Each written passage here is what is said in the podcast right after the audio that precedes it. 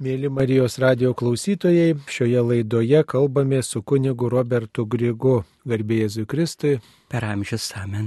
Taigi, kunigė Robertai, jūs savo kunigiškoje tarnystėje sutikote įvairių Lietuvoje garsių kunigų, kurie jums padarė didelę įtaką jums ir taip pat kurie buvo na, tokie autoritetai gal ir tarp kitų tikinčių žmonių, e, kurie žmonės buvo reikšmingiausi jūsų tikėjimo ir kunigystės pasirinkimo kelyje. Sunku taip įvertinti ar, ar pasvert žmonės, nes kiekvienas savo asmenybę skirtingais bruožais, vienokiomis ar kitokiomis labiau išreikštomis darybėmis padarė įtaką. Tai kai melžiuosi taip pagal savo įprotį vakarais vis tengiuosi prisiminti visus geradarius padariusius. Ir mano yra daugelio žmonių gyvenimui daug gero.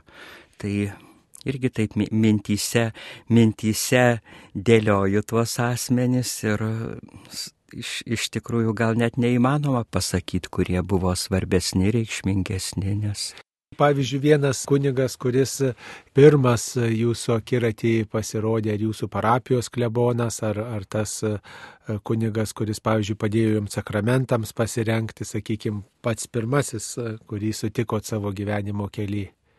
Pirmasis, kuris turbūt tokius dešimties, vienuolikos metų, kaip Lietuvoje buvo įprasta mano kartos e, laiku renkti pirmą išpažinčiai komunijai, tai buvo gimtojoje parapijoje Leipalingyje 7-8 dešimtmetį dirbęs olus kunigas e, Konstantinas Ambrasas, jau amžinatelis, jo brolis, žinomas Lietuvos lituanistas, vertėjas, jaunesnysis jo brolis kunigas Kazimieras Ambrasas dar darbuojasi Lietuvos bažnyčioje. Kunigas Konstantinas buvo vyresnis brolis.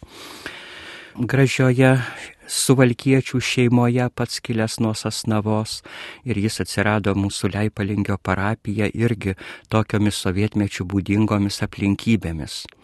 Jis buvo e, Vilkaviškio dekanas, klebonas ir dekanas tuo metu ir pagal bažnyčios tvarką turėjo rūpinti savo parapijomis ir žinoma, kad tokius aukštesnius bažnyčios pareigūnus tuo metu, jeigu kuo nors neįtikdavo tikintie ar kunigai, tai taip pat spausdavo sovietų valdžia, reikalaudavo jų supratimu daryti tvarką dekanato parapijos. Ir kaip tik tuo metu Kybartuose, taigi Vilkaviškio dekanatui priklausančioje parapijoje dirbo kunigas Sigitas Tamkevičius.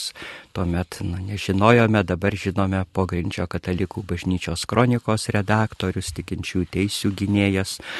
Ir jau tada jisai ragino taikiais būdais ginti bažnyčios, sąžinės laisvės teisės, žmonės rengė vairias peticijas, rinko žmonių parašus po pareiškimais dėl įstatymų pažeidimų valdžiai. Ir aišku, tokia jo veikla neįtiko okupaciniai valdžiai. Taigi iš dekano kunigo Ambraso to meto visokie ten sovietinių institucijų pareigūnai reikalavo, kad šitą maištingą kunigą sudrausmintų. Ir aišku, jis turbūt ir norėdamas nelabai galėjo kažką tenai pakeisti ar kunigo Tamkevičiaus veiklą ar nusistatymus kažkaip riboti, bet manau, kad ir nenorėjo, nes taip pat buvo iš tikinčios, patriotiškos šeimos. Ir tada jį kaip užbausmę iš Vilkaviškio didelio Lietuvos masteliais miesto parapijos atkėlė į mūsų mažą užkampio Leipalingio parapiją. Bet jis nenuleido rankų, porą dešimtmečių labai nuoširdžiai dirbo parapijoje ir grupėmis katechizavo, ruošė sakramentams e, vaikus. Iš tikrųjų buvo, kad ir iš tos kitos etnografinės Lietuvos dalies suvalkyjos į Dzukiją, kur tokių visokių turi charakterių ir, ir būdo skirtybių, bet labai prigijo, buvo žmonių vertinamas, gražiai išpuošė, suremontavo mūsų bažnyčią ir taip pat ir mano amžiaus vaikiukus ruošė pirmajai komunijai. Tai va savo ir tikėjimu, ir tokiu bendravimu nuoširdžiu su žmonėmis, tokiais apologetiniais tikėjimo gynimo pamokslais. Ir lietuviškų patriotizmų iš tikrųjų paliko tokį gilų įspūdį, nes nevengdavo ir tais sovietiniais laikais, pavyzdžiui, atėjus tuo metu draudžiamom mūsų tautiniam šventėm, vasario 16-ąjai, ar paminint e, trėmimus, tą mūsų tragišką partizaninį pasipriešinimą, jis jau ir tada nevengdavo, gal taip, ne, ne taip e, drąsiai, tiesiogiai kaip kunigas Varinskas, bet paminėti, pakviesti žmonės melstis, tai mums e, ir jaunimui darė tokį gilų įspūdį. Ir, ir tai, ką, kad jisai rengė tokią, dabar dar ją atpažįstu, Leipalingio bažnyčioje už Zakristijos, tokia kaip pastogėje buvo tokia tuščia patalpa, tai kad taip jau nekristų labai valdžiai į akis, tai mūsų vaikų dešimties,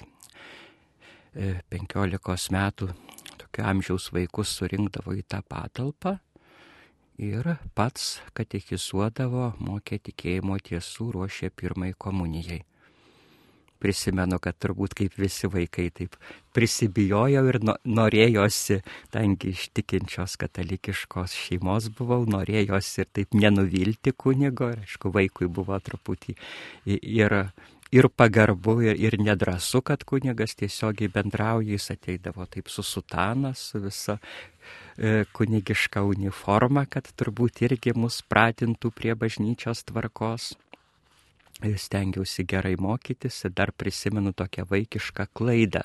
Jau taip atrodo ir, ir tas tikėjimo tiesas pagrindinės ir bažnyčios Dievo įsakymus stengiamės gerai išmokti, bet prisimenu iki šiol, va, kiek dabar man virš 60, tada buvau gal 10 metų vaikas, vieną tokią klaidą iš uolumo, e, kai buvo paklausę kai Kristus meldėsi prieš kančią alyvų sodę, aš pasakiau, kad jis krauju verkė. Kunigas Ambrasas nusišypsojo, sako, ne verkė, o krauju prakaitavo.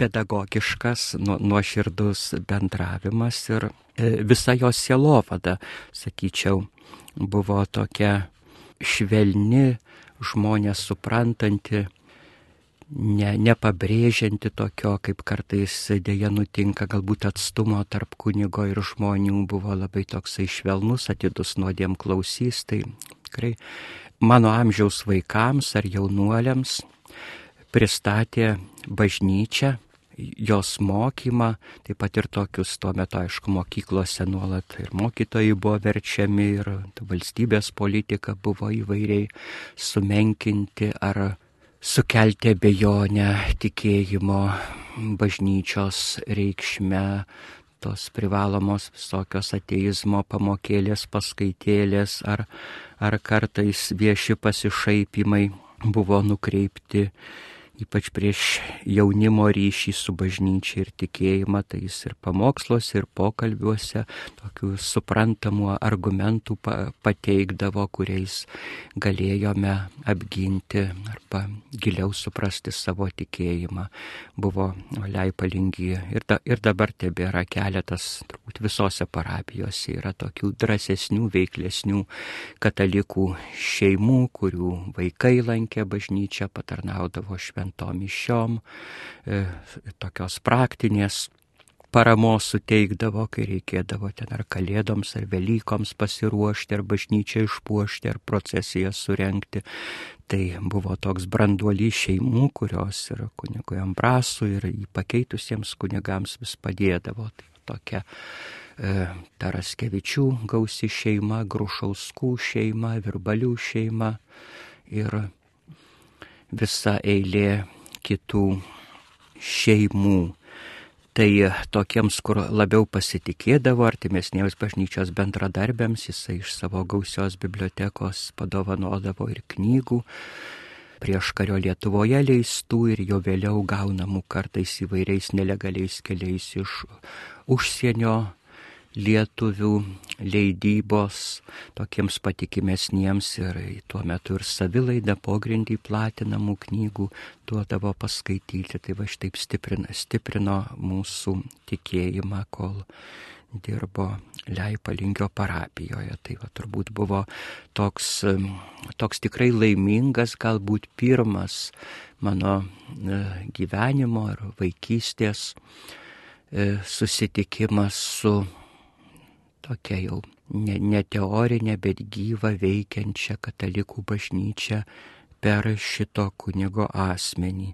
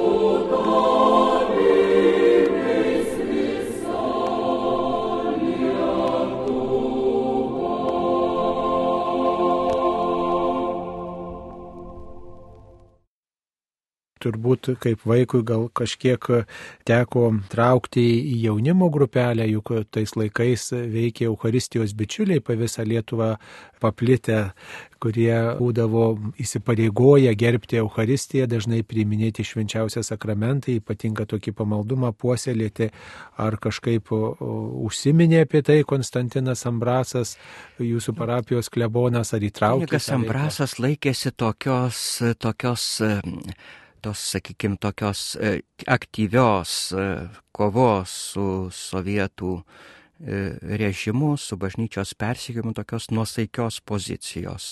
Ir mums jaunimui turbūt iš tokio įsitikinimo, kaip žmogus vis tiek pergyvenęs ir, ir sovietinės represijas, ir matęs lietuvių trėmimus, turbūt daugelis tos kartos žmonių gal jiems atrodė, kad tai tokia ir racionalesnė laikysena, tokio tam tikro nuosaikumo. Tai per daug va taip jungtis, trauktis, įsitraukti į tokias jau, jau šiek tiek pogrindinės veiklas, jisai to mūsų jaunimo neragino, kviesdavo, primdavo patarnauti mišiom, va tai palaikydavo tikėjimą. Iš tikrųjų buvo toksai bet, žinoma, jaunimas visą laiką linkęs taip ryštingai kovoti su neteisybė, visokiems revoliuciniams veiksmams labai imlus, tai jis mus truputį prilaikydavo, kaip ir mūsų beje tėvai, gailėdami savo vaikų, išreikšdavo tą poziciją, kad reikia mokytis, būti išsilavinusiems žmonėms, be abejo, doriems žmonėms, geriems katalikams, geriems lietuviams. Gal kažkur potekstai būdavo užimti kažkokias reikšmingesnės pareigas ir va tokiu būdu padėti bažnyčiai ir Lietuvoje ateityje. Jeigu jūs čia įsitrauksit į kažką tokio, dėl ko gali kviesti į tardymus KGB, tai gal tik tai pakenksit savo ir nieko gero nepasieksi. Tai va dalis kunigų, kaip turbūt yra ir tikinčiųjų, tokios nuosaikios, kad ir būdami ir, ir, ir dori, ir, manau, ir Lietuvą, ir Dievą mylintys žmonės laikėsi tam tikro tokio nuosaikumo, kartais ir, ir pakritikuodami taip švelniai tuos ryštingesnius konfratrus, kaip ar Tamkevičių, ar Svarinską, ar Zdebskį, kad jie čia per daug rizikuoja, kad galima dirbti gal truputį taip atsargiau ir nemažiau bažnyčiai padaryti, tai kartais dėl to ir pasiginčydavom jau, kai sulaukiu paauglystės, jaunystės, iš jaunatviško karščio su kunigu Ambrasu. Nuot jaunimą visada žada auka, kova, rizika. Pasipriešinimas neteisybė ir kai kunigas sako, kad reikia va čia ramiai mokytis, kad paskui galėtum daugiau Lietuvai pasitarnauti, o greta šlavantų parapijoje dirbantis kunigas Debskis sako pamoksluose, kur nors vasario 16 sugėdojus Lietuvos himną bažnyčios, sako, kad dabar jeigu kas nors nori, ką nors pasakyti Lietuvai, perduoti visuomeniai, tai, tai bus išgirstas tik tada, jei kalbės iš kalėjimo. Tai va, Taip. Arba kaip kunigas Varinskas vidukliai sako jaunimui, kad yra gėda šiais laikais kunigui numirti lovoje, o ne ant kalėjimo gultų. Tai aišku, tokie dalykai labiau uždega jaunimą. Tai va, tai į Euharistijos bičiulių tą tokį jau organizuotą judėjimą e, mes ir, ir Leipalingio, ir aplinkinių kitų miestelių, Veisiejų, Kapčiamieščio, Lasdėjų, Druskininkų tikintis jaunimas labiau įsitraukiam per šitų drąsesnių kunigų veiklą. Va tada buvo šlavantuose klebonas, vienas iš turbūt tokių nuriškiausių to meto Lietuvos dvasininkijos asmenybių kunigas Juozas Debskis jau du kartus e, sovietų kalintas kalėjimuose dėl, būtent dėl vaikų katechizavimo, mokymo, tikėjimo tiesų, kurį vienu metu valdžia bandė taip labai drastiškai, griežtai, visiškai uždrausti. Įžiūrėjo, kad tas e, vaikų mokymas tikėjimo grupėmis vis tik tai perdoda tą tikėjimo pažinimą, tradiciją, kurią norėjo nutraukti sovietų ideologija oficialiuose kaltinimuose tai buvo dar prikišama kaip mokyklos organizavimas, nors dažnai tai tas mokymas vyko bažnyčiose, dalyvaujant kartu ir tėveliams, ir tėvams ten ir viešai pareiškė, kad jie patys to nori, sutinka, kad kuningas ar jos skirti asmenys pamokytų tikėjimo tiesų. Vis dėlto valdžia teismuose E, kaltindavo, kad čia buvo nelegalus mokyklos organizavimas, o mokykla Sovietų santvarkoje gali tik valstybės teikti ir visokiais panašiais būdais apkaltindavo ir nuteisdavo. Tai va tuo metu trys kunigai irgi bandant matyti taip visoje Lietuvoje sustabdyti vaikų tikėjimo mokymą ar pagazdinimui, ar kaip e, tokio pavyzdžio parodymui, kas jūsų laukia, jeigu neklausysit valdžios, buvo nuteisti. Tai kunigas Juozas Debskis, kunigas Prosperas Bubnys ir kunigas Antanas Šeškevičius. Tai be abejo ir tikintieji, ir mes jaunimas žinojom tuos dalykus ir mums buvo iš tikrųjų buvo tie kunigai e, tikėjimo autoritetai, didvyriai ir į, į jų žodį, į jų mokymą jau sako, ne tik teoriškai, bet ir tokio asmeninio gyvenimo pavyzdžių patvirtinta, labai įsiklausydavom.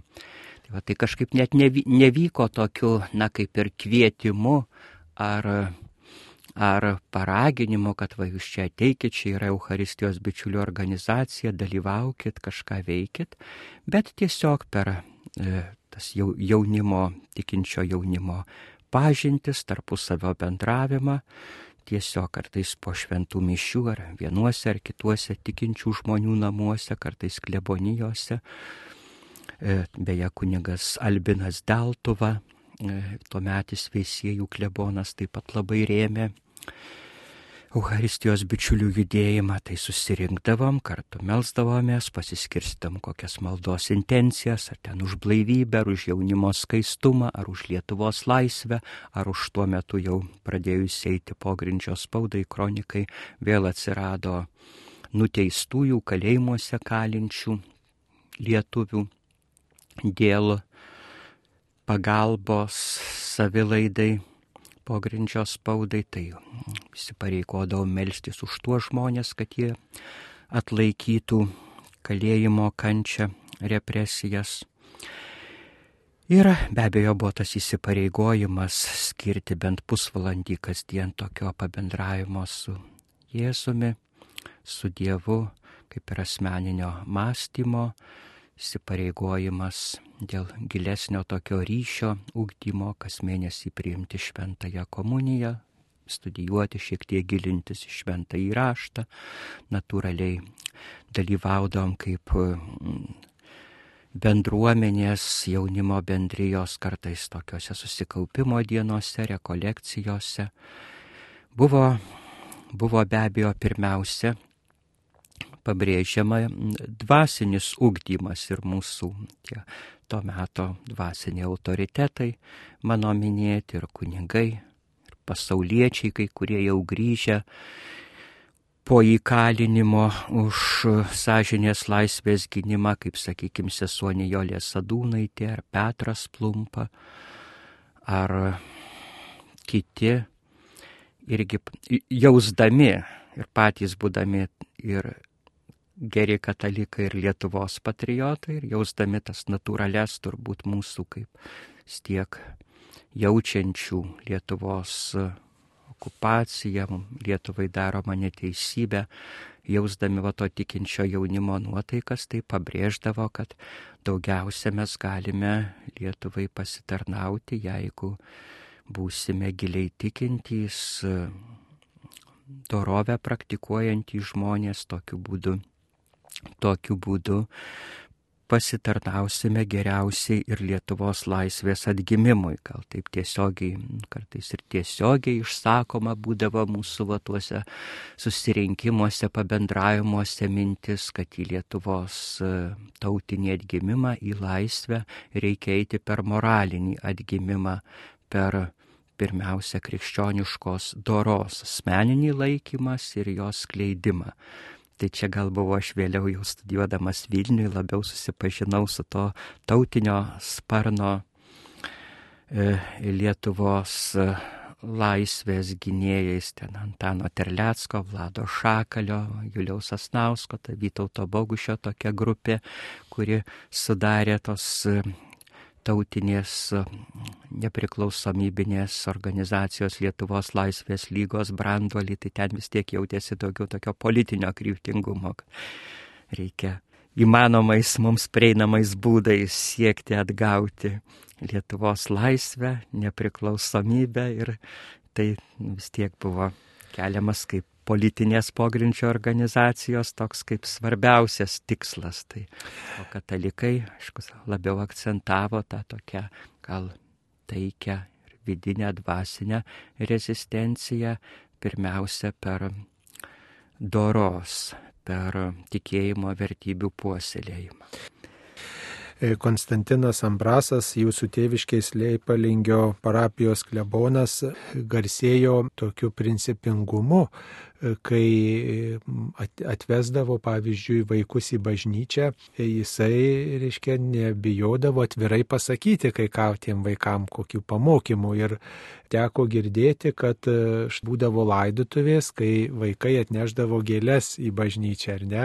Aišku, vaikai negalėdavo dalyvauti pamaldose, ne mokytojai, jeigu, pavyzdžiui, dalyvauja tuose laidotuvėse, tai tuos vaikus liepdavo išsivesti iš bažnyčios. Tai gal turite iš tų laikų kažkokių prisiminimų, va, kai tas toksai vaikščiojimas vaikų atnešė vaikai? Kiek, kiek prisimenu, čia turbūt vienas buvo toks atvejis paminėtas Lietuvos katalikų bažnyčios kronikoje, aprašytas, kai turbūt ten, kai laidodavo kokį nors artimą žmogų, tėvelį, mamytę ar giminaitį, tai nelabai kas paisydavo, bet sovietai irgi tokio, sakyčiau, laikėsi komunistinio davatkiškumo. Pavyzdžiui, jeigu mirdavo koks mokytojas ar aukštesnis pareigūnas, aišku, galbūt slapta e, laikęsis tikėjimo, tik viešai to neparodęs ir artimieji pagal e, šeimos tradicijas atneždavo mirusį su karstu į bažnyčią, tai kai kur bijantis sovietinės valdžios represijų, e, tokį irgi galbūt keistą reikalavimą keldavo mokytojai, kad vaikai atneša gėlės į bažnyčią, padeda prie karsto ir išeina, nedalyvauja pamaldose, draustavo vaikams. Ir turėdavo po miestelį bastytis. Nu, kažkur, kol išneš karstą iš bažnyčios. Per pamaldas. Aišku, tokia, tokia buvo, buvo nesąmonė ir nepagarba mirusiam ir kažkuriam pamokslė per tokias laidotuvės kunigas Ambrasas. Tai taktiškai, bet gana, gana tiesmukai papriekaištavo, kad jeigu šitai pelkėties, tai neparodot pagarbos tam mirusiajam, nes ką reiškia tie atnešti gėlių krepšelį, jeigu jūs patys nedalyvaujate. Tai aišku buvo daug nepasitenkinimo. Tada toj visokių, visokių valdžios sluoksnių aplinkoje. Jis bet, yra pasakęs taip, kad jeigu nepagerbėt mirusiojo mišiuose, tai nėra ko ir dabar vainikus nešti ir vainikus nunešti, kurie dalyvavo pamaldose. Tai va tada kilo toks nepasitenkinimas, kaip čia vaikam draudžia nešti gėlės. O jisai turbūt atrėžęs, kad mokytojai, jeigu jūs auklėjat vaikus mokykloje, tai jie ten jūsų, o kai vaikai bažnyčioje, tai tie vaikai gali būti ir mano auklėjami.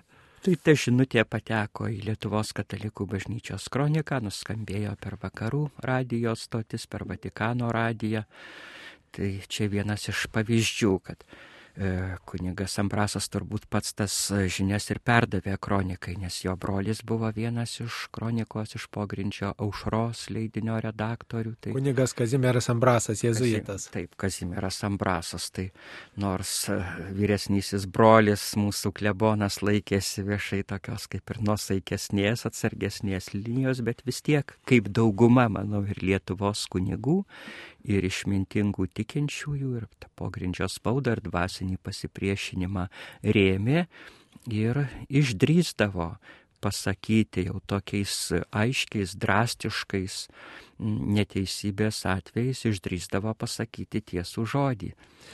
E, dar Konstantinas Ambrasas, Leipalingio klebonas, dar yra prisidėjęs, kad būtų atstatyti parapijos kryžiai tokiu kūrybingumu. Gal apie tai galit papasakot, kaip jisai organizuodavo kryžių atstatymą, kai, pavyzdžiui, senieji kryžiai e, parapijos teritorijoje sugriūdavo, tai kaip vykdavo klebono rūpeščių kūrybingas tų kryžių atstatymas, kad saugumas nesusektų ir neuždraustų to daryti.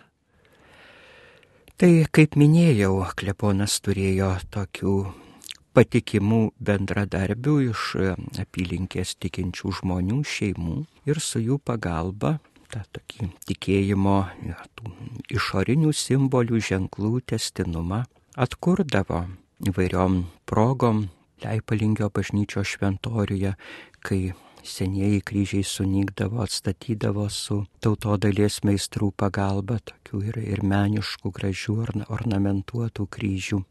Ir, ir apylinkėse tą, kas religinės tautodailės testinumą palaikė.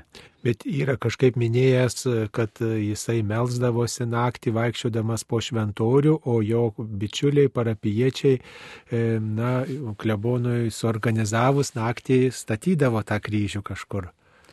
Taip, jis pats asmeniškai, gal ir dėl vyresnio amžiaus, ir dėl savo statuso nedalyvaudavo, bet va, taip palaikydavo tuos gerus darbus malda ar yra e, kalbėjęs apie e, partizanus, apie tremtinius tais laikais, e, na, vat, viešai ar kažkaip užsiminęs yra, nes sovietmetis gilus buvo pavojinga apie tai kalbėti. Taip, nuolat pamoksluose paminėdavo ir tremtis, ir partizanų kovą, ir kitas Lietuvai padarytas skriaudas. O kaip saugumas e, nekibo dėl to, nesusekdavo, neišgirzdavo, nenuneždavo tam, kam reikia į saugumo rūmus? Manau, kad e, vis tiek dėja pakankamai buvo tautiečių, kurie skūsdavo, pranešinėdavo, kaip ten juokavo disidentai, humoristai. Tuda, kuda nada, tamų, kamų nada. Perduoti ten, kam, kur reikia ir kam reikia tokius tokius dalykus bet e, va, tos drąsos pasa, pasakyti ir kartu galbūt va, ir pakelti ir parapiečių dvasę ir priminti istorinę tiesą, kunigas Ambrasas tos drąsos turėjo ir iš tikrųjų ypač va, mums, e, tai jaunesniai tikinčiųjų kartai, tai ir darė tokį padrasinantį įspūdį ir padėjo pažinti tą tikrąją sovietų draudžiamą, klastojamą Lietuvos istoriją. Bet va, kad būtų, kad būtų kažkokių tokių priekabių dėl pamokslų, tai nesu girdėjęs, galbūt, kad tuo metu jau sovietų saugumui atsirado didesnių rūpeščių, buvo kunigų daug kur Lietuvoje, kurie kalbėdavo daug, daug aštriau kunigas Tamkevičius, kunigas Varinskas, kurie prisidėjo ir prie tos tokios praktinės tikinčiųjų teisių gynybos ar per pogrindžio spaudą ar vėliau įsikūrus tikinčių teisių gynimo komitetui. Tai čia vis tiek buvo turbūt toks kaip laiptelis po laiptelio mūsų pilietinę taikaus pasipriešinimo veikla iškovojama vis didesnė ir, ir bažnyčiai, ir tautai veikimo laisvės erdvė. Jeigu nebū, nebūtų buvę jokių didesnių rūpeščių, tai svetimai valdžiai tuo metu ko gero būtų labai priekabiauta, kabintas ir prie kokio nors ten pasakyto ne visai atitinkančio tą viešąjį, kaip dabar vadina valdžios naratyvą, pamokslo. Bet kada buvo jiems daug svarbesnių dalykų, tai jau į, į šituos tokius jų, jų akimis mažesnius nusižengimus numodavo ranka. Čia panašiai kaip aš irgi taip nuo jaunystės domėdamasis, e, skaitydamas ir platindamas pogrindžio spaudą pastebėjau tam tikrą dėsningumą. Iš pradžių bet kokia, na, nevaldiško įspaustuvė išleista mašinėle išspausdinta knygelė, brošiūra, ne, ne, net religinė, kai 80-mečio pradžioje prasidėjo va tos KGB vykdomos kratos, būdavo jau laikoma, laikoma neleistina literatūra.